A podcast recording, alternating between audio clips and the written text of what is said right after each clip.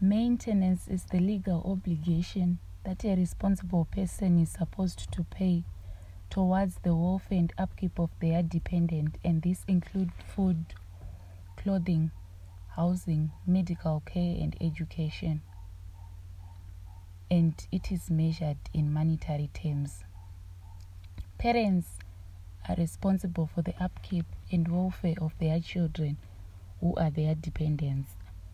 Upon birth of children, both parents have the obligation to maintain their children. So the mother of the children can claim for maintenance from their father, and the father can also claim for the children's maintenance from their mother. It should be noted that it is every parent's responsibility to maintain their children and not only the responsibility of their father. And it's also every child's right to be maintained by their parents. The obligation of parents to maintain their children does not end because the children are not in their custody third parties in whose custody the children are or will be can claim for maintenance of their children from their parents because every child has a right to be maintained by their parents. And also, maintenance is not only paid where there is a court order, but it children always have to be maintained by their children by their parents with or without a court order. Children who have reached 18 years which is the legal age of majority can also claim for maintenance on their own as they are regarded as majors. Who have the capacity to act on their own without being represented by their parents or guardians. Maintenance is applied for at the Magistrates Court and in terms of Section 3 of the Maintenance Act, every Magistrates Court is a maintenance court. For maintenance of children over 18 years, it is only granted where there is need.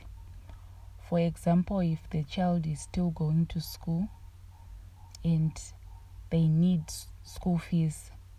It is not for luxurious purposes. The procedure for claiming for maintenance at the magistrate's court is to collect application forms accompanied by summons from the clerk of court. And then the summons and application forms are completed, stating the amount which is being claimed, the expenses to be incurred, on a monthly basis and the income of the person whom maintenance is claimed from. Full names and ages of the children should also be stated. Legal Resources Foundation conducts help desks at magistrates' courts countrywide in Harare, Mutare, Masvingo, Gweru, and Bulawayo, where people are assisted to complete court application forms for maintenance, protection orders, and other court forms. After completing the forms, they have to be lodged with the clerk of court where he puts a case number and a court date on which the matter will be heard. The forms and the summons have to be served on the respondent by either the police or the messenger of court, and both the applicant and respondent have to attend court on the court date. If maintenance is not sufficient to cater for the dependent's needs, he or she or the applicant can apply for upward variation, setting out the reasons upon which they are making the application. For example, if the dependent has health conditions which require medication or if they start to go to school and there will be need for school fees and uniforms. The respondent can also apply for downward variation of maintenance if they cannot afford to pay maintenance claimed. They should as well state the reasons for their application. Maintenance can also be applied for at the High Court in divorce cases. The amount claimed should be clearly indicated in the summons, and once the order is granted, it should be registered at the Magistrates Court. It is advised to apply for a garnish order so that the money for maintenance can be deducted directly from the respondent's salary or workplace. Spouses have the reciprocal duty of maintaining each other according to their means or earnings if they are legally married, so they can claim for maintenance from each other at the magistrate's court.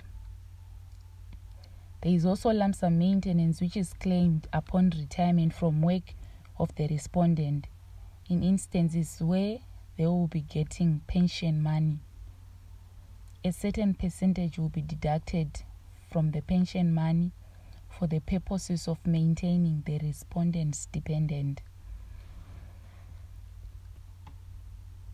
This is done by way of an application to the Magistrates Court.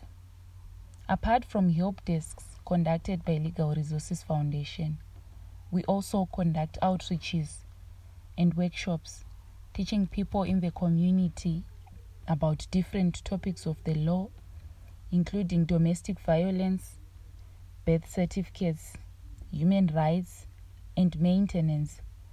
We also train community volunteers to reach out to their peop- to other people in their communities, teaching them about the law governing them and how to assert their rights. Many people are approaching the help desks at magistrates' courts conducted by Legal Resources Foundation seeking legal help as a result of referrals from the trained community volunteers. People can also get legal help from Legal Resources Foundation lawyers on property rights, domestic violence, guardianship of minor children, custody of minor children, inheritance, and other areas of law on the toll free number, which is 080 80402. Thank you.